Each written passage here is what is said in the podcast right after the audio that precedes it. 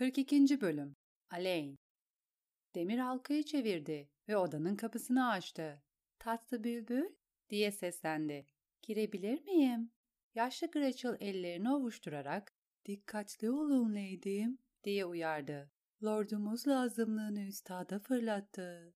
Öyleyse bana fırlatacak lazımlığı kalmadı. Senin yapacak bir işin yok mu? Ve sen miydi? Bütün pencereler ve pancurlar kapatıldı mı? Bütün mobilyaların üstü örtüldü mü? Hepsileydim, dedi Medi. En iyisi emin olmak. Alen karartılmış odaya girdi. Ben geldim tatlı bülbül. Biri karanlıkta burnunu çekti. Yalnız mısın? Yalnızım lordum. O zaman yaklaş. Sadece sen. Alen kapıyı sıkıca kapattı. Kapı meşeydi. Kalınlığı 10 santimdi. Maddie ve Gretchel istedikleri kadar dinleyebilir ama hiçbir şey duyamazlardı. Bu iyiydi. Gretchel dilini tutmayı bilen bir kadındı. Ama Maddie utanmaz bir dedikoducuydu. ''Seni Üstad Cormier mı gönderdi?'' diye sordu çocuk. ''Hayır'' diye yalan söyledi Alain. Tatlı bülbülümün ağladığını duydum. Üstad, lazımlıkla çarpıştıktan sonra koşarak Sir Lotor'a gitmişti. Burun da Alain'e gelmişti. Eğer Lady'm küçük Lord'u yataktan çıkmaya ikna edebilirse, demişti şövalye. Lord'u sürükleyerek dışarı çıkarmak zorunda kalmam. Bunu göze alamayız, dedi Alen kendi kendine. Robert sert muamele gördüğünde titreme krizi geçiriyordu. Aç mısın lordum? diye sordu küçük lorda. Biraz dut ve krema ister misin? Ya da sıcak ekmekle yağ. Sıcak ekmek olmadığını geç hatırladı. Mutfak kapalıydı ve ocaklar soğuktu. Eğer Robert'ı yataktan çıkaracaksa bir ateş yakma zahmetine katlanılır, dedi kendine. Yiyecek istemiyorum, dedi küçük lord. Sesi tiz ve aksiydi. Bugün yatakta kalacağım. İstersen bana kitap okuyabilirsin. Burası çok karanlık. Kitap okuyamayız. Pencerelere çekilen ağır perdeler yatak odasını gece kadar siyah yapmıştı. Tatlı bülbül bugünün hangi gün olduğunu unuttu mu? Hayır, dedi Robert. Ama gitmeyeceğim. Yatakta kalmak istiyorum. Bana kanatlı şövalyeyi okuyabilirsin. Kanatlı şövalye, Sir Ardis Aaron'dı. Efsaneye göre Sir ilk insanları vadiden çıkarmış, devasa bir kartalın sırtında devin mızrağının zirvesine uçmuş ve Grifon kralını öldürmüştü. Şövalyenin kahramanlıkları ile ilgili yüzlerce hikaye vardı ve küçük Robert onların hepsini ezberden okuyacak kadar iyi biliyordu. Ama yine de hikayelerin ona okunmasını tercih ediyordu. Tatlım, şimdi gitmek zorundayız, dedi Alain. Ama söz veriyorum, ay kapılarına vardığımızda sana kanatlı şövalyenin iki hikayesini okuyacağım. Üç, dedi hemen çocuk. Ona ne önerirsen öner, Robert her zaman daha fazlasını isterdi. Üç, diye onayladı Alain. İçeri biraz güneş sokalım mı? Hayır, ışık gözlerimi acıtıyor. Yatağa gel Alain. Alain kırık lazımlığın etrafından dolaşarak pencereye gitti. Lazımlığı göremiyordu ama kokusunu alıyordu. Fazla açmayacağım. Sadece tatlı bülbülümün yüzünü görecek kadar. Çocuk burnunu çekti. Eğer mecbursan. Alain pelişli kadifeden dikilmiş perdelerden birini bir parmak geri çekti ve düğümü çözdü. Toz zerrecikleri solgun sabah ışığında dans etti. Pencerelerin elmas şekilli camları buğulanmıştı. Alen camlardan birini avcuyla sildi. Sadece parlak mavi gökyüzünü ve dağ yamacının beyaz pırıltısını görebilecek kadar bir bölümünü. Kartal yuvası buzdan bir battaniyeye sarılmıştı. Devin mızrağı bel yüksekliğinde karlara gömülmüştü. Aley'in arkasını döndüğünde Robert Aaron yastığa yaslanmış ona bakıyordu. Kartal yuvası lordu ve vadinin savunucusu. Çocuğun belinden aşağısı bir yün battaniyeyle örtülüydü. Belinden yukarısı çıplaktı. Bir kız kadar uzun saçları olan, solgun bir oğlan çocuğu. Robert'ın kolları ve bacakları çöp gibiydi. Göğsü çukurdu, karnı küçücüktü. Gözleri sürekli kırmızı ve nemliydi. Yaratılışını değiştiremez. O küçük ve hasta doğdu. Bu sabah çok güçlü görünüyorsun lordum. Robert ne kadar güçlü olduğunun söylenmesinden hoşlanıyordu. Maddie ve Gretchel banyo için su getirsinler mi? Maddie sırtını keseleyip saçlarını yıkar. Yolculuk için temiz ve asil görünmeni sağlar. Bu güzel olmaz mı? Hayır, Maddie'den nefret ediyorum. Gözünün üstünde bir sihir var. Üstelik beni o kadar sert keseliyor ki canımı acıtıyor. Annem beni keselerken asla canımı acıtmazdı. Medi'ye tatlı bülbülümü o kadar sert kesilememesini söyleyeceğim. Temizlenip tazelendiğinde kendini daha iyi hissedeceksin. Banyo yapmayacağım. Sana söyledim. Başım çok ağrıyor. Alnına koymak için ılık havlu getireyim mi? Ya da bir kadeh rüya şarabı. Ama küçük bir kadeh. Maya Taş bizi gökte bekliyor. Eğer uyursan darılır. Seni ne çok sevdiğini biliyorsun. Ben onu sevmiyorum. O sadece katırcı kız. Roberts burnunu çekti. Üstad Coleman dün gece sütümün içine kötü bir şey koydu. Tadını aldım. Ona tatlı süt istediğimi söyledim. Ama getirmedi. Getirmesini emrettiğimde bile getirmedi. Ben lordum. Üstad benim söylediğim şeyleri yapmalı. Kimse benim söylediğim şeyleri yapmıyor. Onunla konuşacağım diye söz verdi Aleyn. Ama sadece yataktan çıkarsan. Dışarısı çok güzel tatlı bülbül. Güneş pırıl pırıl parlıyor. Dağdan inmek için kusursuz bir gün. Katılar Maya ile birlikte gökte bekliyor. Çocuğun ağzı titredi. O pis kokulu katırlardan nefret ediyorum. Biri bir keresinde beni ısırmaya çalıştı. Maya'ya burada kalacağımı söyle. Burada kaldığım sürece kimse beni incitemez. Kartal yuvası zapt edilemez bir kaledir. Seni kim incitmek ister ki tatlı bülbül? Lordsların ve şövalyelerin sana tapıyor. Sıradan insanlar senin için tezahürat yapıyor. Korkuyor, diye düşündü Alain. Ve korkmak için iyi bir sebebi var. Robert, Lady annesi düştüğünden beri bir balkona bile çıkmamıştı ve kartal yuvasından ay kapılarına inen yol her insanın gözünü korkutacak kadar tehlikeliydi.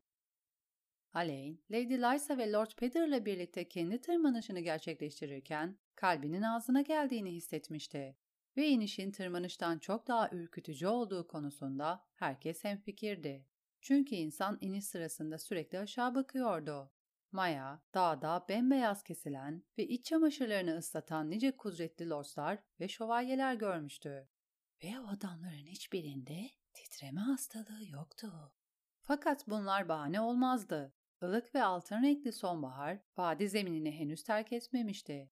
Ama dağ zirvelerinin çevresi kışla sarılmıştı. Kartal yuvası üç kar fırtınası geçirmişti ve bir buz fırtınası kaleyi 15 gün için kristale çevirmişti. Kartal yuvası zapt edilemez olabilirdi ama yakında erişilmez de olacaktı. Üstelik aşağı inen yol her gün biraz daha tehlikeli hale geliyordu. Kale hizmetkarlarının ve askerlerin çoğu hali hazırda aşağı inmişti. Yukarıda sadece Lord Roberts'la ilgilenen bir düzine insan kalmıştı. Tatlı bülbül, dedi Aley nazik bir sesle. İniş çok eğlenceli olacak. Göreceksin. Sir Lothar ve Maya bizimle olacaklar. Maya'nın katırları bu yaşlı dağı binlerce kez inip çıktı. Katırlardan nefret ediyorum, diye üsteledi Robert.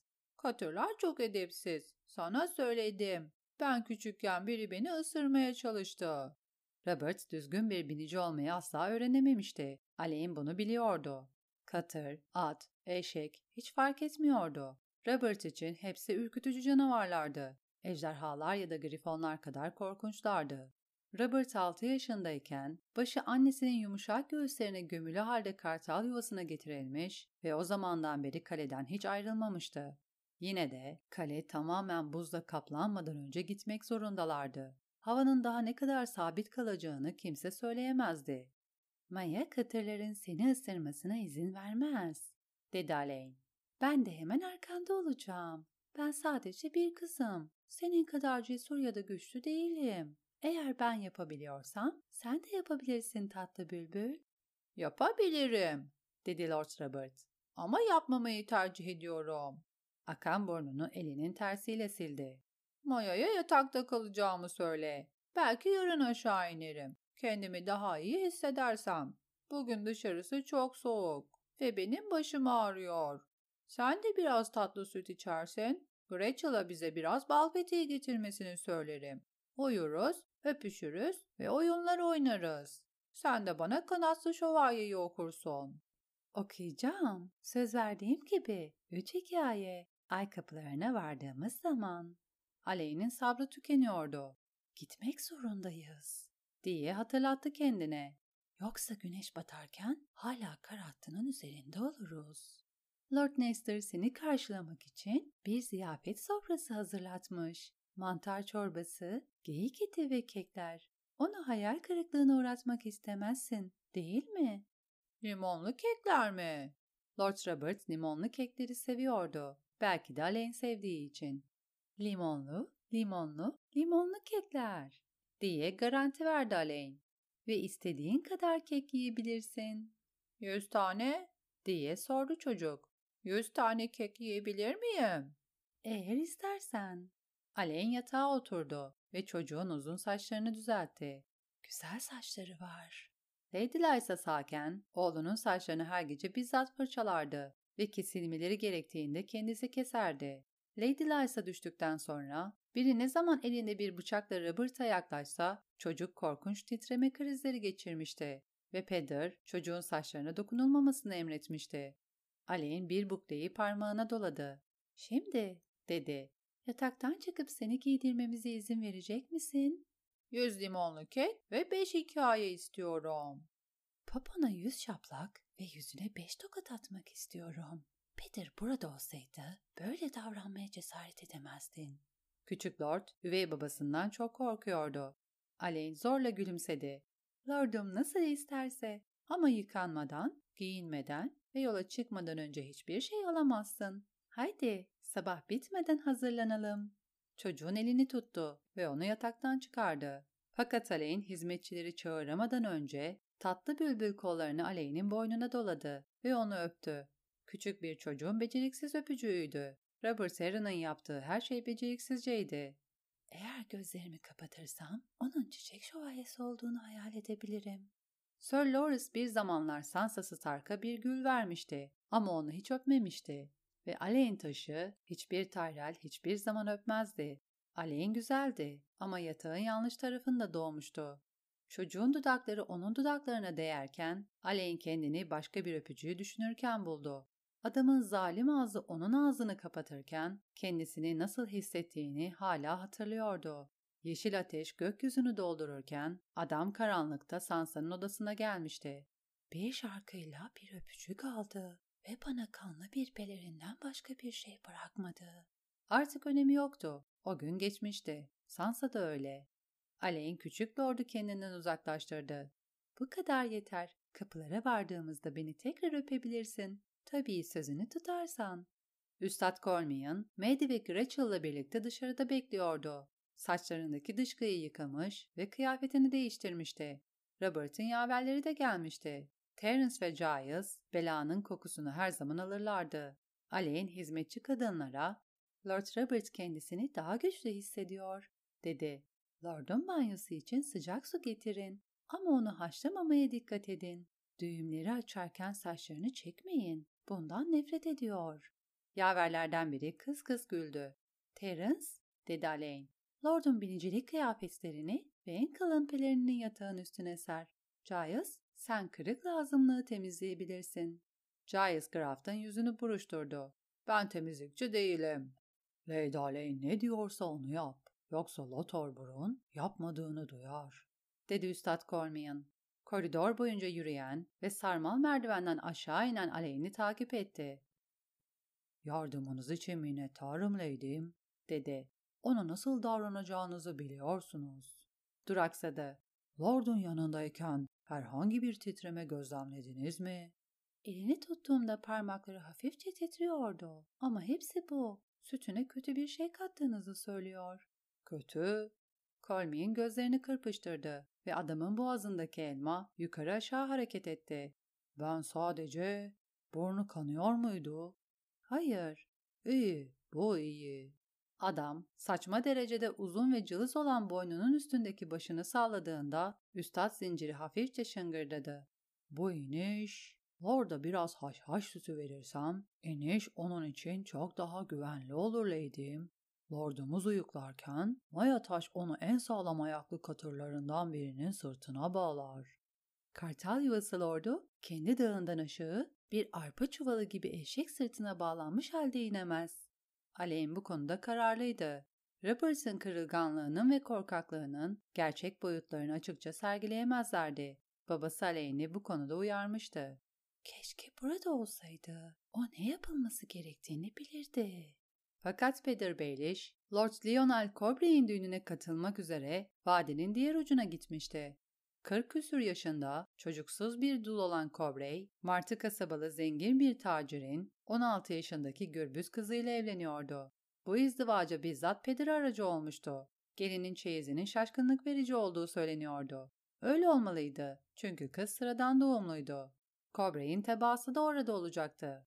İki Lord Wexley, Grafton, Linderley, bazı önemsiz lordlar, arazi sahibi şövalyeler ve Peder'la yakın zaman önce uzlaşmış olan Lord Belmore. Diğer istidacı lordların düğün töreninden uzak duracağı düşünülüyordu. Bu yüzden Peder'ın iştiraki elzemdi. Aleyn bütün bunları gayet iyi anlıyordu. Ama Peder'ın yokluğu, tatlı bülbülü güvenli bir şekilde indirme mesuliyetinin aleyhine kaldığı anlamına geliyordu. Lordumuza bir kupa tatlı süt verin, dedi Aleyn Üstad Cormina. Bu onun yolculuk sırasında titremesini engeller. Daha üç gün önce bir kupa içti, diye itiraz etti Cormian. Ve dün gece bir kupa daha istedi ama vermediniz. Çok erkendi. Dedim, anlamıyorsunuz. Lord savunucuya da söylediğim gibi. Bir çimdik tatlı uyku titremelere engel olur. Lakin eti terk etmez. Zaman içinde eğer lordumuz bir titreme krizi geçirir de dağdan aşağı düşerse zamanın hiçbir önemi kalmaz. Babam burada olsaydı size Lord Robert'ı ne pahasına olursa olsun sakin tutmanızı emrederdi. Deniyorum lady'm, lakin krizler gitgide şiddetleniyor ve öyle inceldi ki artık Lord'u sürüklemeye cesaret edemiyorum. Tatlı uyku. Lord'un burnunun kanamadığından emin misiniz?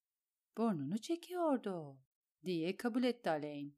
Ama kan görmedim. Lord savunucuyla konuşmalıyım. Bu ziyafet en işin yorgunluğundan sonra akıllıca olur mu bilemiyorum. Büyük bir ziyafet olacak, dedi Alain. En fazla kırk konuk. Lord Nestor ve hanesi, kapı şövalyesi, birkaç önemsiz lord ve mahiyetleri. Lord Robert yabancılardan hoşlanmaz. Bunu biliyorsunuz. Üstelik içki, gürültü ve müzik olacak. Müzik onu korkutuyor. Müzik onu sakinleştiriyor diye düzeltti Alain. Bilhassa yüksek harp. Robert şarkı söylenmesine katlanamıyor. Annesi Miriam tarafından öldürüldüğünden beri. Alain bu yalanı öyle çok tekrar etmişti ki artık olayı çoğunlukla bu şekilde hatırlıyordu. Diğeri ara sıra uykularını rahatsız eden kötü bir rüyadan ibaretti. Lord Nestor'ın ziyafetinde şarkıcılar olmayacak. Sadece flütler ve kemanlar, dans için. Müzik çalmaya başladığında Alain ne yapacaktı? Bu, kalbiyle aklının farklı cevaplar verdiği rahatsız edici bir soruydu. Sansa dans etmeyi severdi ama Alain, yola çıkmadan önce ona bir kupa tatlı süt verin. Bir kupa da ziyafette. Böylece sorun yaşamayız. Pekala. Basamakların sonunda durdular. Lakin bu son olmalı. Yarım yıl ya da daha uzun bir zaman için. Bunu Lord savunucuyla konuşmalısınız. Alain kapıyı açıp dışarı çıktı ve Aldo'nun karşısına geçti. Colmian mesul olduğu çocuk için en iyi olanı yapmak istiyordu. Alain bunu biliyordu. Fakat küçük Robert için en iyi olanla Lord Aaron için en iyi olan her zaman aynı değildi. Bunu Peter söylemişti ve haklıydı. Üstad Colmian sadece çocuğu düşünüyor. Ama babamla benim daha büyük meselelerimiz var. Avlu karla kaplıydı ve teraslarla kulelerden kristal mızraklara benzeyen buz saçakları sarkıyordu. Kartal yuvası beyaz taşlardan inşa edilmişti ve kış battaniyesi kaleyi daha da beyaz yapmıştı. Çok güzel diye düşündü Alain. Çok ulaşılmaz. Ne kadar çabalarsa çabalasın bu yeri sevemiyordu. Muhafızlar ve hizmetkarlar aşağı inmeden önce bile kale bir lahit kadar boş görünüyordu ve Peder uzaktayken daha da boş oluyordu. Merillion'dan beri burada kimse şarkı söylememişti. Kimse yüksek sesle gülmemişti. Tanrılar bile sessizdi. Kartal yuvasında bir sept vardı ama rahip yoktu. Bir tanrı korusu vardı ama yürek ağacı yoktu. Alain sık sık burada hiçbir dua yanıt bulamaz diye düşünüyordu. Ama bazen kendini o kadar yalnız hissediyordu ki denemek zorunda kalıyordu. Ona yalnızca yedi beyaz kulenin arasında dolaşıp, iç çekerek ve şiddetiyle ay kapısını titreterek rüzgar cevap veriyordu. Kışın her şey daha da kötü olacaktı. Alain bunu biliyordu. Kışın burası soğuk ve beyaz bir zindana dönüşecek. Buna rağmen kaleden ayrılma fikri onu en az Robert'ı korkuttuğu kadar korkutuyordu. Alain sadece korkusunu daha iyi saklıyordu. Babası bir keresinde korkmanın utanılacak bir şey olmadığını söylemişti. Sadece korktuğunu göstermek utanç vericiydi. Bütün insanlar korkuyla yaşar, demişti. Alain buna inandığından emin değildi. Peder Baelish hiçbir şeyden korkmuyordu. Bunu sadece bana cesaret vermek için söyledi. Alain, kimliğinin açığa çıkma ihtimalinin çok daha büyük olduğu ay kapılarında cesur olmak zorunda kalacaktı. Peder'in saraydaki dostları, kraliçenin adamlarının iblisi ve Sansa Stark'ı aradığını haber vermişti. Alain buz kaplı taş basamaklardan inerken, ''Eğer beni bulurlarsa başımı kaybederim.'' diye hatırlattı kendine. ''Her daim Alain olmalıyım, içimde ve dışımda.'' Lothar Brun vinç odasındaydı. Her biri üç insanın sığabileceği kadar büyük olan altın meşe sepete, kıyafetlerle dolu sandıkları ve kumaş balyalarını yerleştiren gardiyan, morda ve iki hizmetkar adama yardım ediyordu. 180 metre aşağıdaki yol kalesi göke varmanın en kolay yolu zincirli büyük bocurgatlardı. Aksi halde insan doğal yollarla oluşmuş taş bacadan aşağı inmek zorunda kalırdı. Ya da Murelia'nın ve ondan önce Lady Lysa'nın gittiği yolu kullanır. Çocuk yataktan çıktı mı? diye sordu Sir Lothar. Ona banyo yaptırıyorlar. Bir saat içinde hazır olur. Umalım da olsun. Maya öğleden sonraya kadar beklemez. Vinç odası ısıtılmıyordu. Bu yüzden Bruno'nun nefesi her kelimeyle buharlaşıyordu. Bekler, dedi Alain. Beklemek zorunda. Bu kadar emin olmayın Lady. Maya'nın kendisi de yarı katır. Bence hayvanlarını tehlikeye atmaktansa bizi burada açlığa terk eder. Burun gülümsedi. Maya taştan bahsederken hep gülümsüyor. Maya, Sir Lothor'dan çok daha gençti. Ama Peder, Lord Cobre ile tacirin kızının evliliğini ayarlarken genç kızların kendilerinden daha büyük adamlarla daha mutlu olduğunu söylemişti. Masumiyet ve tecrübe kusursuz bir evlilik yaratır, demişti. Alain, Maya'nın Sir Lothor'la ilgili ne düşündüğünü merak etti. Ezik burnu, köşeli çenesi ve yüne benzeyen gri saçlarıyla Bruno'nun yakışıklı bir adam olduğu söylenemezdi. Ama çirkin de değildi. Sıradan fakat dürüst bir yüz. Sir Lothar şövalyeliğe yükselmiş olmasına rağmen çok aşağı tabakadan geliyordu. Bir gece aleyhine kahverengi çukurun burunlarıyla akraba olduğunu söylemişti. Kırık pençe burnundan eski bir şövalye ailesi. Babam öldüğünde onların yanına gittim diye itiraf etmişti Bron. Ama onların kanını taşımadığımı söylediler ve beni geri çevirdiler. Ondan sonra neler olduğunu anlatmamıştı. Ama silah kullanmayı zor yoldan öğrendiğini belirtmişti. Ayıkken sessiz fakat güçlü bir adamdı. Pedro'nun sadık biri olduğunu söylüyor ve ona kimseye güvenmediği kadar güveniyor. Alain, Bruno Maya Taş gibi bir piç için iyi bir eş olacağını düşündü. Eğer Maya babası tarafından ikrar edilmiş olsaydı işler değişirdi ama edilmemiş. Maiden'in söylediğine göre Bakire'de değil. Mort kamçısını şaklattı ve öküzlerin ilk çifti bir daire içinde hantalca yürüyerek bocurgatı döndürmeye başladı. Zincir taşa sürtünüp şıngırdayarak boşaldı. Meşe sepet sallandı ve göke doğru uzun enişine başladı. Zavallı öküzler diye düşündü Alain. Mort aşağı inmeden önce hayvanların boğazını kesecek ve onları şahinlere bırakacaktı. Kartal yuvası tekrar açıldığında hayvanlardan arda kalanlar bahar ziyafeti için kızartılacaktı. Tabii bozulmadılarsa. Yaşlı Gretchel'ın iddiasına göre bol miktarda donmuş et bereketli bir yaz mevsiminin habercisiydi. Leydim, dedi Sir Lothar. Bilseniz iyi olur. Maya yukarı tek başına gelmedi. Yanında Lady Miranda var. Aa, Sır tekrar aşağı inmek için neden onca yol kat edip yukarı tırmanmış? Miranda Royce, Lord Nestor'ın kızıydı. Sansa, Lady Lysa ve Lord Peder'la birlikte kartal yuvasına çıkarken ay kapılarını ziyaret etmişti. Fakat Miranda o sırada kalede değildi. Bununla birlikte Alain, Kartal yuvasının askerlerinden ve hizmetçilerinden kızla ilgili çok şey duymuştu. Lady Miranda'nın annesi uzun zaman önce ölmüştü. Kaleyi babası adına o çekip çeviriyordu. Ve dedikodulara göre Miranda evdeyken kale çok daha canlı bir yer oluyordu. Peter Alain'i er ya da geç Miranda Royce'la tanışmak zorunda kalacaksın diye uyarmıştı. Tanıştığında dikkatli ol. Miranda neşeli aptal oynamayı sever. Ama o maskenin altında babasından daha kurnazdır. Onun etrafındayken derine dikkat et. Edeceğim diye düşündü Alain. Ama dikkat etmeye bu kadar erken başlamam gerekeceğini bilmiyordum. Robert mutlu olacak. Küçük Lord Miranda Royce'dan hoşlanıyordu. Müsaadenizle Sir, eşyalarımı toplamam gerek. Alain odasına çıkan basamakları son bir kez tırmandı. Pencereler kapatılmış ve sürgülenmiş, mobilyalar örtülmüştü. Alain'in bazı eşyaları daha önce aşağı taşınmıştı. Geri kalanlar kaldırılmıştı. Lady Lysa'nın bütün ipeklileri ve kürkleri, Alain'in ince ketenli ve peluşlu kadifeleri, mehir dantelleri ve işlemeli kıyafetleri hepsi yukarıda kalacaktı. Alain aşağıda mütevazi bir şekilde giyinmeliydi. Mütevazı doğumlu bir kıza yakışan buydu. Önemli değil, dedi kendine. En iyi kıyafetlerimi giymeye burada bile cesaret edemedim. Gretchel yatağın örtülerini kaldırmış ve Alain'in kıyafetlerinin geri kalanını dışarı çıkarmıştı. Alain hali hazırda iki kat iç çamaşırı ve yün çoraplar giyiyordu. Şimdi kuzu yününden yapılmış bir üstlük ve başlıklı bir kürk pelerin giydi. Pelerinin yakasını Peder'in hediyesi olan mineli bir alay kuşuyla tutturdu. Birkaç kolu ve binici çizmelerine uygun kürk astarlı deri eldivenleri de vardı.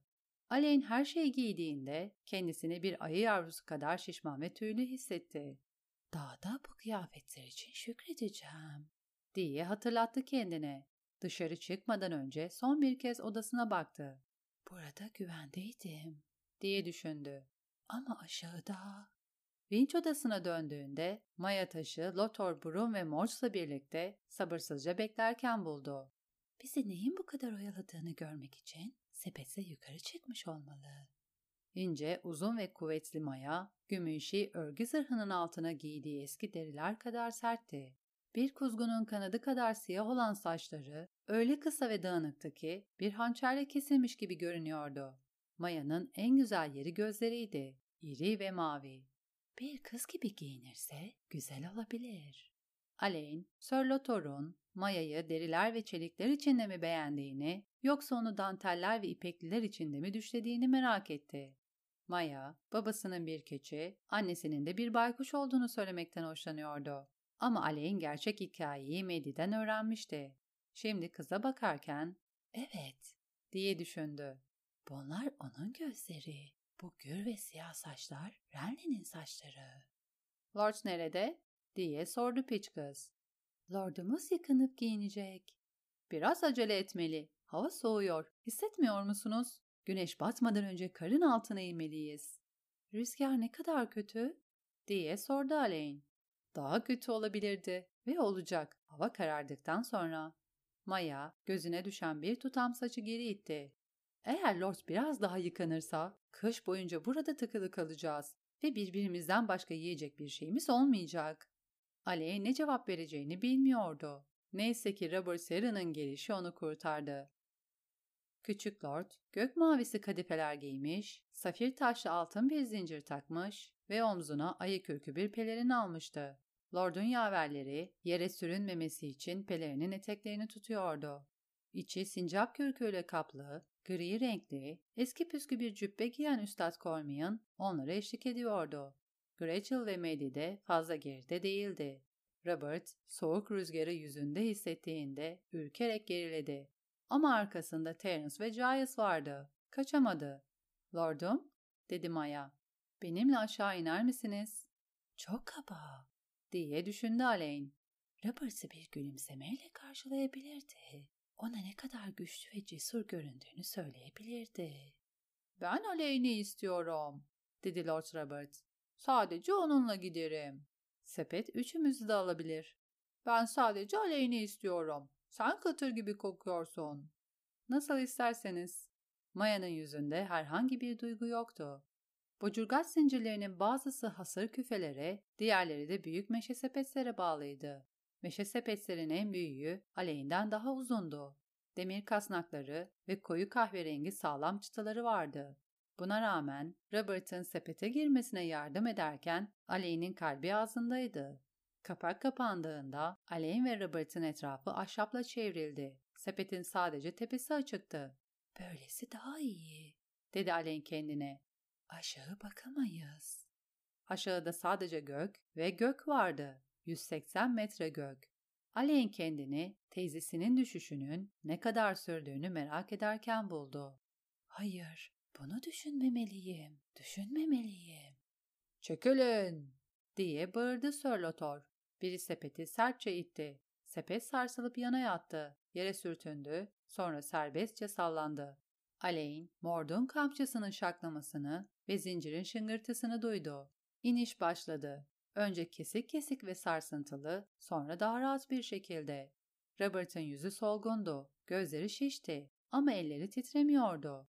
Yukarıdaki kartal yuvası gitgide küçüldü. Alt katlardaki gökyüzü hücreleri kaleyi bir bal peteği gibi gösteriyordu. Buzdan yapılmış bir bal peteği diye düşündü Aleyn. Kardan yapılmış bir kale. Sepetin çevresinde ıslık çalan rüzgarı duyabiliyordu. 30 metre aşağıda ani bir boraya yakalandılar. Sepet iki yana sallandı. Havada döndü ve dağın kayalık yüzüne çarptı. Aleyhine Robert'ın başına buz ve kar parçaları yağdı. Meşe gerilip çatırdadı. Robert inleyerek aleyhine yapıştı. Başını onun göğüslerinin arasına gömdü. Çocuğun titrediğini hissettiğinde ''Lordum çok cesur'' dedi Aleyhine. ''Ben korkumdan konuşamıyorum ama sen hiç korkmuyorsun.'' Çocuğun başıyla onayladığını hissetti. ''Kanatlı şövalye cesurdu. Ben de cesurum.'' diye böbürlendi Robert Aleyhinin elbisesine. ''Ben bir Aaron'um.'' ''Tatlı bir bülüm bana sıkı sıkı sarılır mı acaba?'' diye sordu Aleyhine. Halbuki çocuk ona öyle sıkı sarılıyordu ki Aleyhine zor nefes alıyordu. ''Eğer istersen'' diye fısıldadı Robert ve birbirlerine sımsıkı tutunarak göke doğru inmeye devam ettiler. Sepetin kapağı Aleyhine Robert'ın yol kalesinin içine çıkması için açıldığında Buna kale demek, bir tuvaletin zeminindeki su birikintisine göl demek gibi bir şey, diye düşündü Aleyn. Gök, eski taşlardan inşa edilmiş, hilal şekilli bir duvardan ibaretti. Bir kaya çıkıntısını ve bir mağaranın esneyen ağzını çevriliyordu. Duvarın iç tarafında ambarlar, ahırlar, doğal yollarla oluşmuş bir antre ve kartal yuvasına çıkan tutamaklar vardı. Duvarın iç tarafında zemin kırık taşlarla ve büyük kaya parçalarıyla kaplıydı. Toprak rampalar duvara erişim sağlıyordu. 180 metre yukarıdaki kartal yuvası öyle küçük görünüyordu ki Aley'in kaleyi eliyle saklayabiliyordu. Ama aşağıda yeşil ve altın renkli vadi uzanıyordu. Yol kalesinin içinde iki katır seyisi ve Lady Miranda Royce'la birlikte 20 katır onları bekliyordu. Lord Nestor'ın kızının kısa boylu, etli butlu, Maya taşın yaşlarında bir kadın olduğu anlaşıldı. Fakat Maya sırım gibiyken Miranda yumuşak bedenli, tatlı kokulu, geniş kalçalı, kalın belli ve hat safhada iri göğüslüydü. Kadının kestane rengi gür bukleleri, kırmızı yanaklarını, küçük ağzını ve hayat dolu kahverengi gözlerini çerçeveliyordu. Robert temkinli adımlarla sepetten çıktığında Miranda karların içinde diz çöktü ve çocuğun elleriyle yanaklarını öptü. ''Lordum'' dedi. ''Nasıl da büyümüşsün?'' ''Büyümüş müyüm?'' dedi Robert mutlu bir ses tonuyla. ''Yakında benden daha uzun olacaksın.'' diye yalan söyledi Lady. Ayağa kalktı ve eteğindeki karları silkeledi. ''Ve sen de Lord savunucunun kızı olmalısın.'' diye ekledi. Sepet tekrar kartal yuvasına çıkıyordu. Güzel olduğunu duymuştum. Görüyorum ki doğruymuş. Aleyn dizlerini bükerek reverans yaptı. Leydim çok nazik. Nazik? Miranda güldü. Bu çok can sıkıcı olurdu. Ben edepsizliğe meyilliyim. Aşağı inerken bana bütün sırlarını anlatmalısın. Sana Aleyn diyebilir miyim? Nasıl isterseniz Lady. Ama benden sır alamazsın. Ben kapılarda Lady'yim. Ama dağda bana Randa diyebilirsin. Kaç yaşındasın Aleyn? On dörtteydim, dedi Aleyn. Aleyhine taşın Sansa Stark'tan büyük olması gerektiğine karar vermişti. Randa, benim 14 yaşımın üstünden 100 yıl geçmiş gibi geliyor. Nasıl da masumdum. Sen hala masum musun Aleyne? Aleyne kızardı. Siz bunu... Evet, elbette. Kendini Lord Robert'a mı saklıyorsun? diye dalga geçti Lady Miranda. Yoksa seni hayal eden gayretli bir yaver mi var? Hayır, dedi Alain. Aynı anda Robert, o benim arkadaşım. Terence ve Giles onu alamazlar, dedi. O sırada ikinci sepet geldi ve yumuşak bir şekilde dolmuş bir kar yığınının üstüne indi.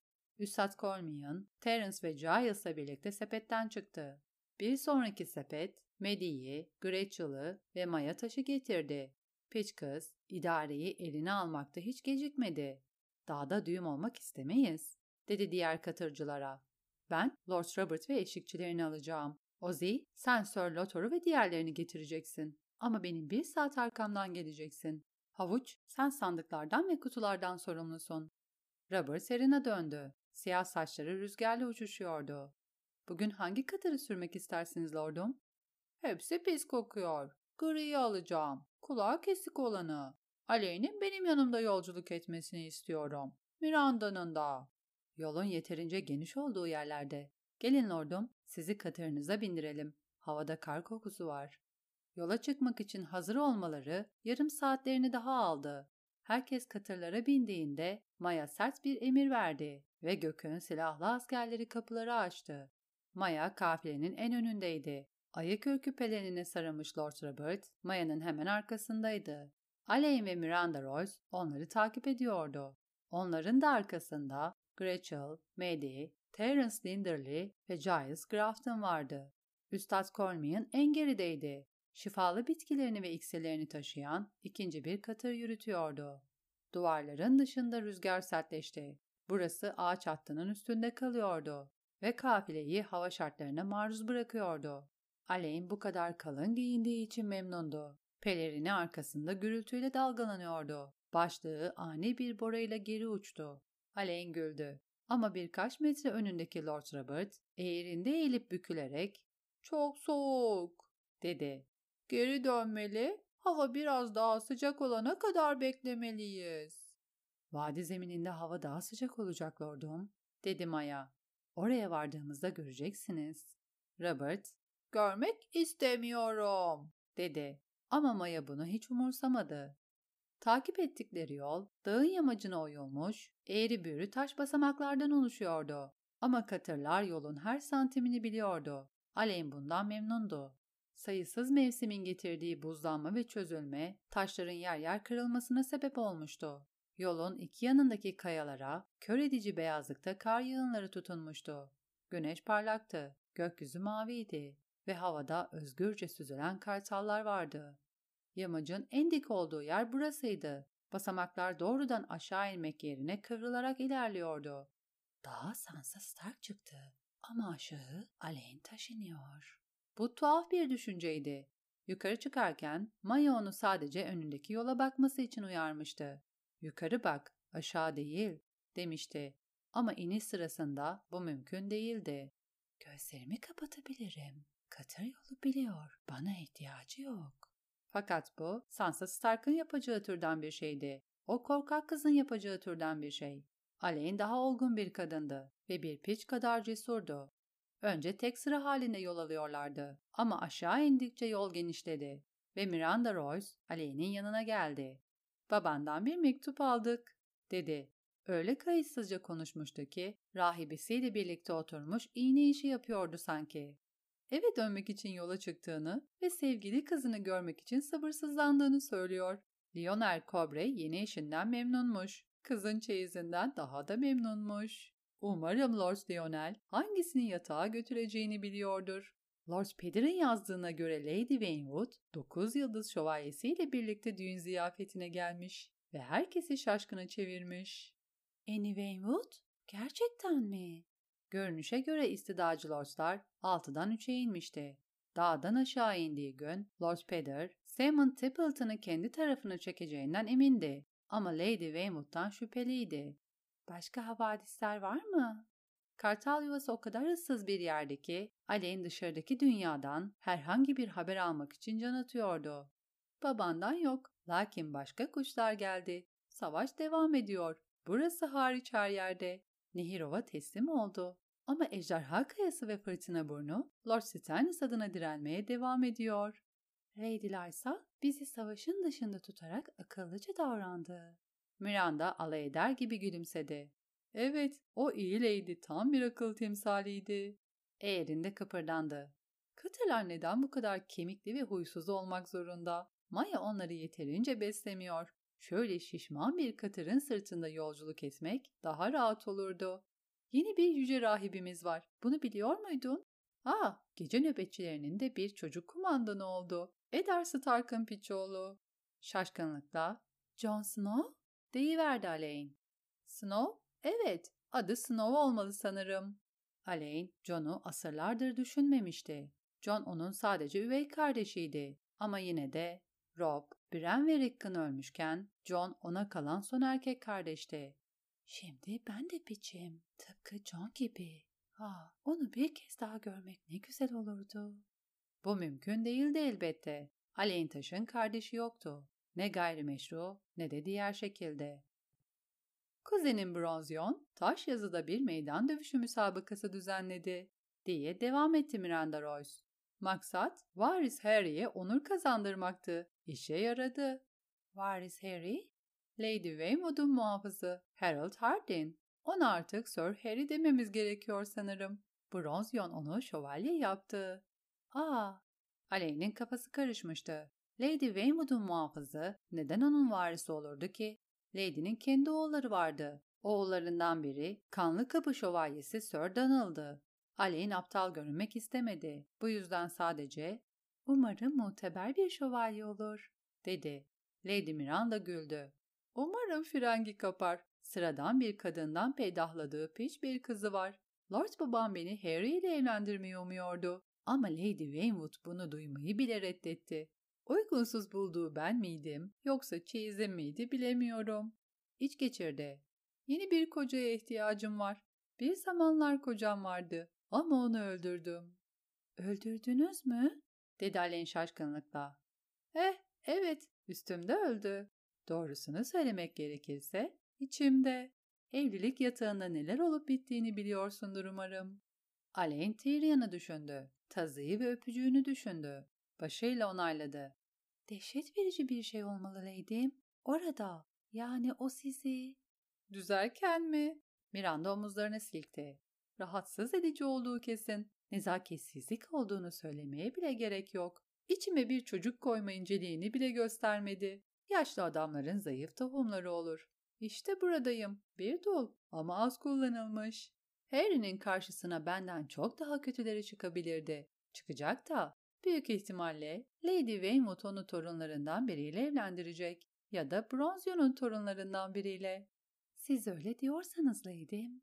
Alain, Peder'in uyarısını hatırladı. Randa, hadi ama söyleyebilirsin. Randa, Randa. Böylesi çok daha iyi. Sana bir özür borçluyum sanırım. Korkunç bir sürtük olduğumu düşüneceksin biliyorum. Ama şu güzel çocuk Muriel yanına yattım. Onun bir canavar olduğunu bilmiyordum. Çok güzel şarkı söylüyordu ve parmaklarıyla çok tatlı şeyler yapıyordu. Lady Lysa'yı ay kapısından aşağı atacağını bilseydim onu asla yatağıma almazdım. Prensip olarak canavarlarla yatmam. Randa, Aley'nin yüzünü ve göğüslerini inceledi. Sen benden daha güzelsin ama benim göğüslerim daha büyük. Üstadlar, büyük göğüslerin küçük göğüslerle aynı miktarda süt ürettiğini söylüyor. Ama ben buna inanmıyorum. Küçük göğüslü bir süt anne gördün mü hiç? Göğüslerin senin yaşındaki bir kız için yeterli. Lakin piç göğüsleri oldukları için onlarla ilgili endişelenmeye gerek yok. Miranda katırını aleyhine yaklaştırdı. Maya'nın bakir olmadığını biliyorsun sanırım. Biliyordu. Bir seferinde Maya yukarı erzak getirdiğinde şişman Medi bunu Aley'nin kulağına fısıldamıştı. Medi söyledi. Tabii ki söyledi. Medi'nin ağzı kalçaları kadar büyük ve onun kalçaları dağ gibi. Michelle Redford'tu. Eskiden Lane Corbray'in yaveriydi. Gerçek bir yaverdi. Sir Lane'in şimdiki yaveri olan yontulmamış delikanlı gibi değildi. Lee'nin onun sikke kazanmak için aldığı söyleniyor. Michel, vadideki genç kılıç adamlarının en iyisiydi, yiğitti. Ya da zavallı Maya öyle olduğunu düşündü. Ta ki Michel, Bronzio'nun kızıyla evlenene kadar. Lord Horden'ın ona seçim hakkı vermediğinden eminim. Ama yine de Michel'in Maya'ya yaptığı şey zalimlikti. Sir Lothar, Maya'dan hoşlanıyor. Alain, 20 basamak aşağıdaki kıza baktı. Aslında hoşlanmaktan öte bir şey. Lothar Burun, Miranda tek kaşını kaldırdı. Maya bunu biliyor mu? Bir cevap almak için beklemedi. Zavallı adam, hiç şansı yok. Babam Maya için bir eş bulmayı denedi. Ama Maya kabul etmedi. O yarı katırdır. Alain kendine rağmen Randa'ya ısındığını hissediyordu. Zavallı Jane Pool'dan beri dedikodu yapacağı bir arkadaşı olmamıştı. Sizce Sir Lothar onu olduğu gibi mi seviyor? Yani örgü zırhların ve derilerin içinde? diye sordu kıza. Yoksa onu ipeklerin ve kadifelerin içinde mi hayal ediyor? O bir erkek. Maya'yı çıplak hayal ediyor. Yine yüzümü kızartmaya çalışıyor. Lady Miranda, Aleyh'in düşüncelerini duymuş olmalıydı. Kızardığında pembenin hoş bir tonuna dönüşüyorsun. Ben kızardığımda elma gibi görünüyorum. Gerçi yıllardır kızarmadım. Aleyhine doğru eğildi. Baban tekrar evlenmeyi düşünüyor mu? Babam? Aleyhine bunu hiç düşünmemişti. Peder'in yeniden evlenmesi fikri onu rahatsız etti. Kendini ay kapısından aşağı yuvarlanan Lady Lysa'nın yüz ifadesini hatırlarken buldu. Lord Peder'in Lady Lysa'ya nasıl bağlı olduğunu hepimiz biliyorduk, dedi Miranda. Lakin sonsuza dek yas tutamaz. Kederinden kurtulmak için genç ve güzel bir eşe ihtiyacı var. Vadideki bakirelerin yarısı onunla seve seve evlenir. Kim bizim cesur lord savunucumuzdan daha iyi bir koca olabilir? Gerçi serçe parmaktan daha iyi bir ismi olsun isterdim. Ne kadar küçük, biliyor musun? Parmağı mı? Alain yine kızardı. Ben, ben hiç. Lady Miranda öyle yüksek sesli bir kahkaha attı ki Maya taş dönüp onlara baktı. Dert etme Alain, yeterince büyük olduğundan eminim. Rüzgarla oluşmuş bir kemerin altından geçtiler. Beyaz kayaya tutunmuş, uzun buz saçaklarından süzülen sular başlarına damladı. Kemerden sonra patika daraldı ve 30 metre boyunca keskin bir eğimle aşağı indi. İnişin bu bölümdeki diklik, aleyhinin eğerine iyice yapışmasına sebep oldu. Basamaklar, bu yolu kullanan katırların demir nallarıyla pürüzsüzleşmiş ve içi çukur taş kaselere benzemişti. Kaselerin dibini dolduran su, öğle güneşinde altın gibi parlıyordu. Şimdi su, diye düşündü Aleyn. Ama karanlık çöktüğünde buza dönüşecek. Maya Taş ve Lord Robert, eğimin tekrar düzleştiği kaya çıkıntısına varmak üzereydi. Aleyn onlara bakmaya çalıştı. Sadece onlara.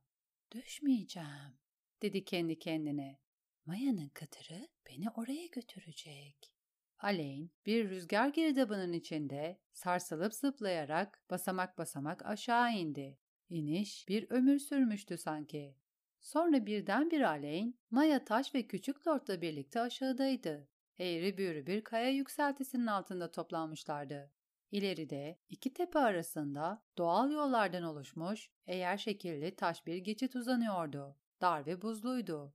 Aleyn eteklerini çekiştiren rüzgarın çığlığını duyabiliyordu. Buraya doğru çıktığı zamandan hatırlıyordu. Taş yerden o zaman da korkmuştu. Şimdi de korkuyordu. Maya neşeli bir sesle göründüğünden daha geniştir diyordu Lord Robert'a. Eni bir metre, boyu da sekiz metreden uzun değil. Korkacak bir şey yok. Korkacak bir şey yok, dedi Robert. Elleri titriyordu. Aa, hayır, diye düşündü Alain. Lütfen, burada olmaz, şimdi olmaz.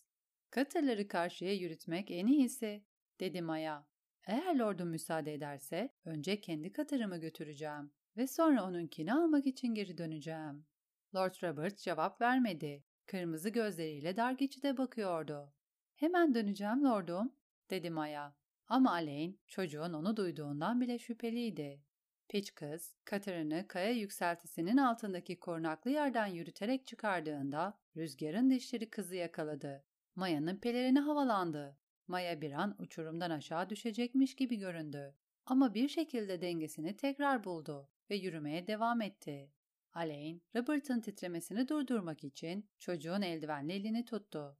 Tatlı bülbül, dedi. Korkuyorum. Elimi tut ve karşıya geçmeme yardım et. Senin korkmadığını biliyorum. Çocuk ona baktı. Göz bebekleri yumurta kadar büyük göz aklarındaki küçük ve karanlık iğne delikleriydi. Korkmuyor muyum? Sen korkmazsın. Sen benim kanatlı şövalyemsin. Sör tatlı bülbül. Kanatlı şövalye uçabiliyordu diye fısıldadı Robert. Dağlardan daha yükseklere. Alain çocuğun elini sıktı. Lady Miranda uzun kaya yükseltisinin yanında onlara katıldı. Neler olduğunu gördüğünde uçabiliyordu diye tekrar etti. Sir tatlı bülbül dedi Robert.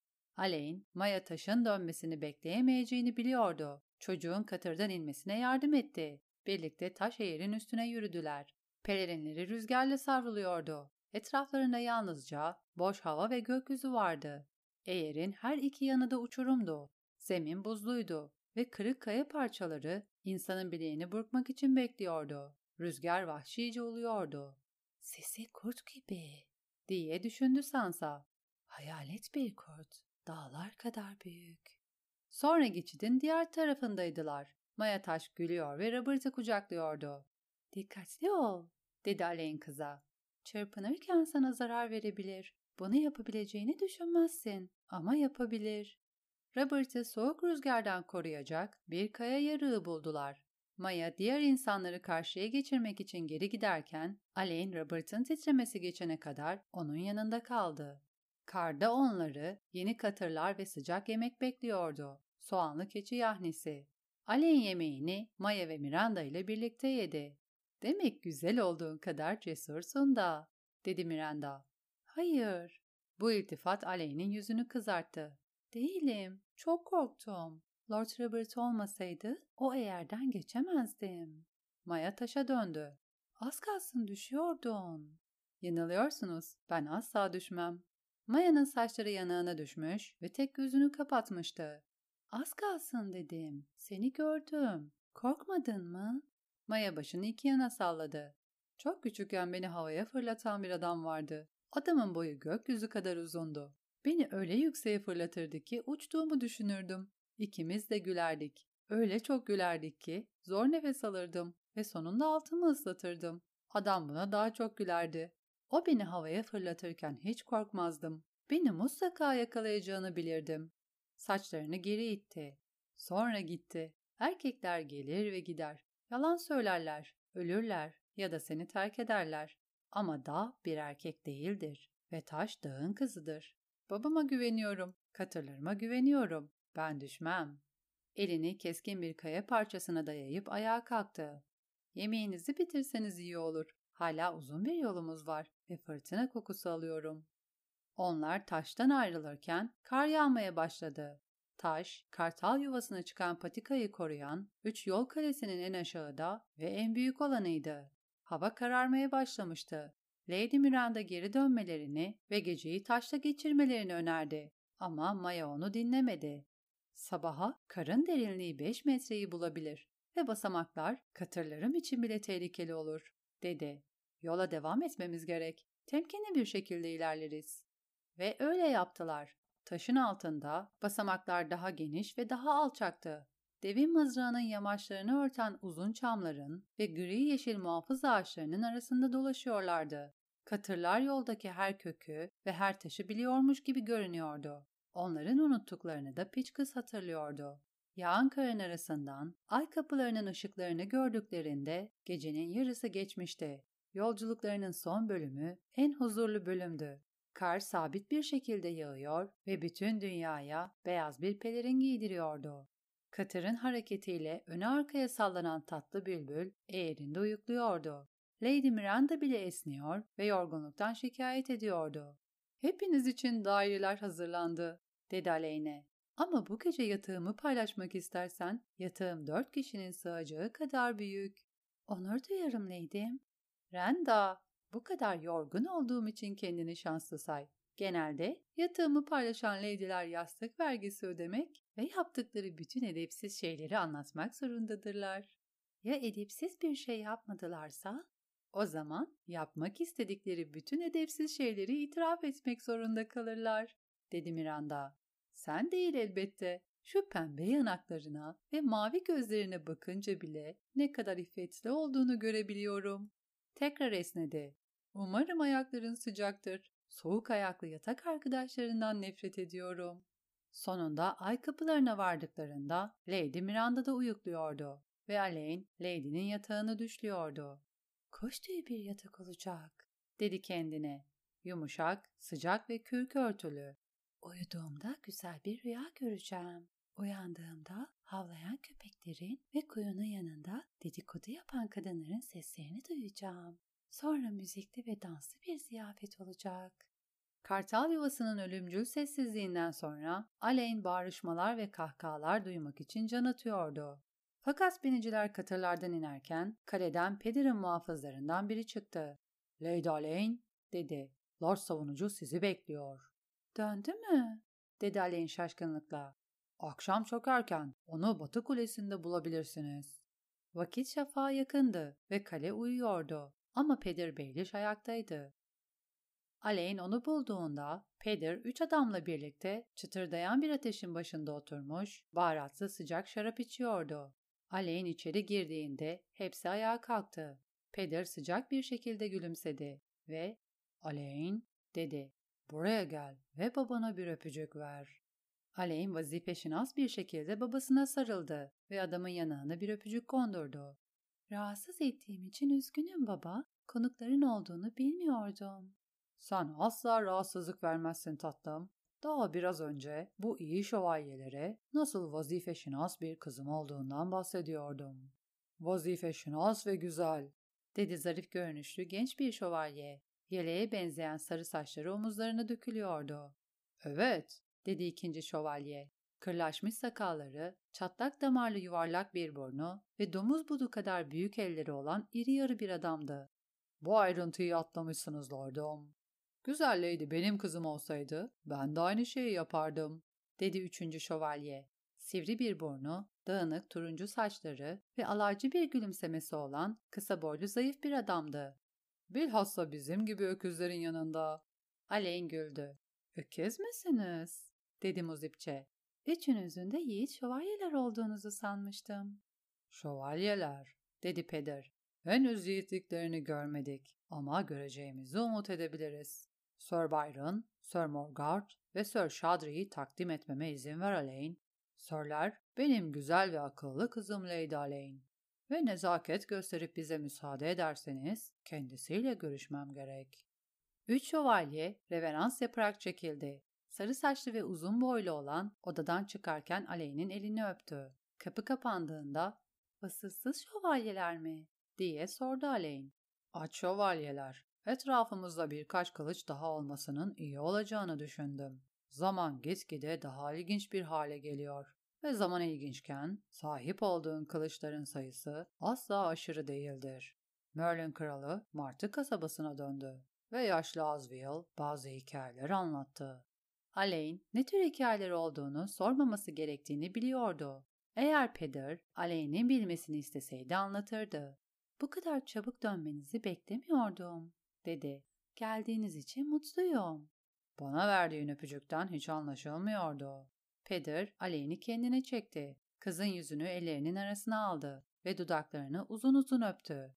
İşte bu eve hoş geldin diyen bir öpücük. Bir dahaki sefere böyle yapmayı unutma. Evet baba. Aleyn yüzünün kızardığını hissedebiliyordu. Peder, Aleyn'in öpücüğünü ona karşı kullanmadı. Kral topraklarında neler olduğunu asla inanamazsın tatlım. Cersei, sağırlardan, kalın kafalılardan ve körlerden oluşan konseyinin yardımıyla bir aptallıktan diğerine sendeleyip duruyor. Onun diyarı dilenciye çevireceğini ve kendi kendini yok edeceğini her zaman biliyordum. Ama bunu bu kadar hızlı yapmasını beklemiyordum. Oldukça rahatsız edici bir durum. Bazı tohumlar ekmek ve meyvelerin olgunlaşmasını beklemek için 4 ya da 5 yılımın olmasını ummuştum. Ama şimdi kaosla beslenip güçlenen biri olmam iyi bir şey. Beş kralın bize bıraktığı azıcık huzur ve düzen, üç kraliçeyle kısa zaman içinde yok olur. Üç kraliçe? Aleyn anlamadı. Peder de açıklamayı tercih etmedi. Gülümsedi ve ''Tatlı kızıma bir hediye getirdim.'' dedi. Aleyn şaşırdığı kadar mutlu oldu. ''Bir elbise mi?'' Martı kasabasında çok iyi terziler olduğunu duymuştu ve bu kadar sıcak kıyafetler giymekten bıkmıştı. ''Daha iyi bir şey. Tekrar tahmin et.'' ''Mücevher?'' ''Hayır, hiçbir mücevher kızımın gözlerinin dengi olamaz.'' ''Limon, yoksa biraz limon mu buldunuz?'' Alain, Robert'a limonlu kek sözü vermişti ve bunun için limon gerekliydi. Peter Baelish, Alain'in elini tuttu ve kızı kucağına çekti. Senin için bir evlilik anlaşması yaptım. Bir evlilik? Alain'in göğsü sıkıştı. Yeniden evlenmek istemiyordu. Şimdi değil, belki de hiçbir zaman. Ben, ben evlenemem. Baba, ben. Alain kapalı olduğundan emin olmak için kapıya baktı. Ben evliyim diye fısıldadı. Biliyorsunuz. Peder parmağını Aley'nin dudağına koyup onu susturdu. Cüce, Ned Stark'ın kızıyla evlendi. Benim kızımla değil. Bununla birlikte bu sadece bir nişanlılık. Evlilik, Cersei'nin işi bitene ve Sansa bir dul olana kadar beklemek zorunda. Sen de delikanlıyla tanışmak ve onun beğenisini kazanmak zorundasın. Lady Weymouth onun rızası olmadan evlendirmeyecek. Bunu açıkça söyledi. Lady Weymouth? Alain buna inanamıyordu. Neden oğullarından birini? Bir piçle evlendirsin. En başta sen Lord Savunucu'nun piçisin.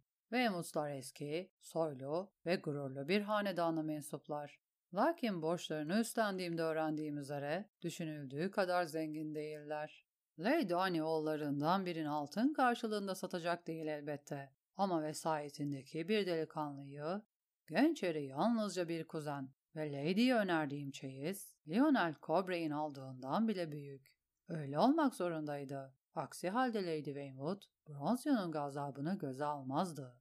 Bu nişan Yon'un bütün planlarını bozacak. Harold Hardin'e söz verildin tatlım. Onun çocuksu kalbini kazanman şartıyla. Ki bu senin için zor bir şey değil. Varis eriği. Alain, Miranda'nın Hera hakkında söylediği şeyleri hatırlamaya çalıştı. Yakın zamanda şövalye ilan edilmiş ve sıradan bir kızdan peydahladığı bir piçi varmış. Ve yolda bir piçi daha var, farklı bir fahişeden. Harry'nin bir gönül çelen olduğuna şüphe yok.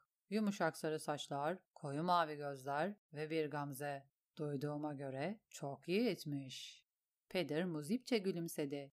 Piç ol ya da olma. Bu nişan duyurulduğunda vadideki bütün soylu bakirler tarafından kıskanılacaksın tatlım. Neden? Aleyh'nin aklı karışmıştı. Sir Harold, o nasıl Lady Weymouth'un varisi olabilir? Lady'nin kendi oğulları yok mu? Üç oğlu var, diye onayladı peder. Aleyn adamın nefesindeki şarap kokusunu alabiliyordu. Karanfil ve muskat. Kızları da var, torunları da. Onlar Harry'den önce gelmiyor mu? Anlamıyorum. Anlayacaksın. Dinle. Peder, Aley'nin elini kendi eline aldı ve parmağını kızın avcunda dolaştırdı. Lord Jasper Aaron, yani John Aaron'ın babası. Onunla başlayalım. Jasper'ın üç çocuğu oldu. İki oğlan ve bir kız. John en büyükleriydi. Bu yüzden kartal yuvası ona geçti. John'un kız kardeşi Alice, şu anki Lady Weymouth'un amcası olan Sir Ellis Weymouth'la evlendi. Yüzünü buruşturdu. Alice ve Ellis, bu çok hoş değil mi? Lord Jasper'ın küçük oğlu Sir Ranelagh'ın bir Belmore kızıyla evlendi. Ama kızın zillerini birkaç kez çaldıktan sonra bir mide rahatsızlığı yüzünden öldü. Oğlu Elbers bir yatakta doğarken Ranel başka bir yatakta ölüyordu. Dikkatle dinliyor musun tatlım? Evet, John, Alice ve Ranel vardı. Ama Ranel öldü. Güzel. Şimdi John Aaron üç kez evlendi. Ama ilk iki karısından çocuğu olmadı. Uzun yıllar boyunca John'un tek varisi yeğeni Albert'tı. O esnada Alice, Alice'i gayet vazifeşinas bir şekilde döllüyordu ve Alice yılda bir kez yavruluyordu. Alice'e dokuz çocuk verdi. Sekiz kız ve bir kıymetli olan. Bir başka Jasper. Alice Jasper'ı doğurduktan sonra öldü. Çocuk Jasper, onu dünyaya getirmek için gösterilen kahramanca çabayı hiçe saydı ve 3 yaşında başına inen bir at tekmesiyle öldü. Çok geçmeden Jasper'ın iki kız kardeşi çiçek hastalığından zahil oldu ve böylece altı kardeş kaldı. Kızların en büyüğü, kartal yuvası lordlarının uzak kuzeni olan Sir Dennis Aaron'la evlendi. Aaron hanedanı, vadiye yayılmış sayısız dala sahiptir. Bu dalların hepsi çok gururlu, fakat bir o kadar fakirdir.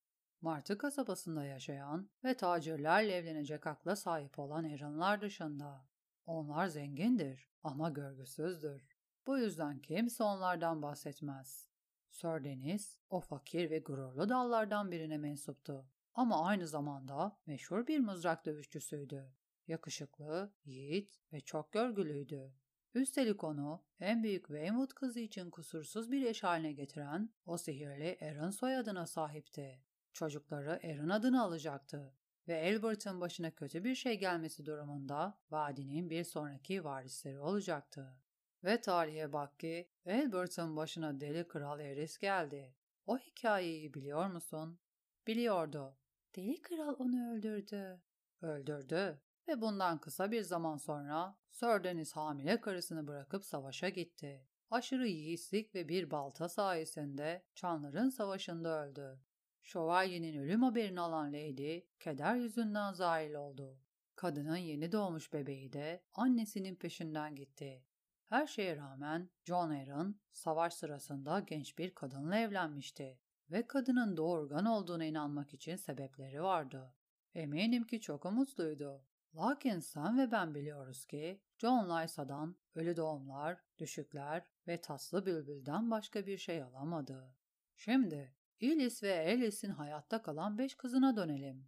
En büyükleri kardeşlerini öldüren çiçek hastalığından korkunç yara izleriyle kurtuldu ve bir rahibe oldu. Diğeri bir paralı asker tarafından baştan çıkarıldı. Sir Ilis onu reddetti. Kız doğurduğu piçin ölümünün ardından sessiz rahibelere katıldı. Üçüncü kız kardeş Küspel Ordu ile evlendi ama kısır olduğu anlaşıldı. Dördüncüsü bir Birackle'la evlenmek üzere nehir topraklarına giderken yanık adamlar tarafından kaçırıldı. Böylece sadece en küçük kız kaldı. Weymouth'lara bağlı olan arazi sahibi bir şövalye ile evlendi. Ona Harold isimli bir oğul verdi ve öldü. Peder, Aley'nin elini çevirdi ve bileğine hafif bir öpücük kondurdu. Şimdi söyle tatlım, neden varis Harry? Aley'nin gözleri genişledi. O Lady Weymouth'un varisi değil, Robert'ın varisi. Eğer Robert ölürse... Peder tek kaşını kaldırdı. Robert öldüğü zaman bizim cesur ve zavallı tatlı bülbülümüz hasta bir çocuk. Ölümü sadece zaman meselesi. Robert öldüğü zaman varis Harry, Lord Harold olacak. Vadinin savunucusu ve kartal yuvası lordu. John Aaron'ın sancak beyleri beni ya da titrek Robert'ı asla sevmeyecekler. Ama genç kartallarını sevecekler. Ve genç kartalın düğünü için buluştuklarında sen kızıl saçlarınla ve sırtına ulu kurt işlenmiş beyaz gri bakire pelerininle ortaya çıktığında vadideki her şövalye kılıcını sana adayacak ve mirasını sana geri vermek için savaşacak. Sana getirdiğim hediyeler bunlar tatlı sansa, Harry, kartal yuvası ve kış yarı. Bu bir öpücük daha eder. Sence de öyle değil mi? 42. bölümün sonu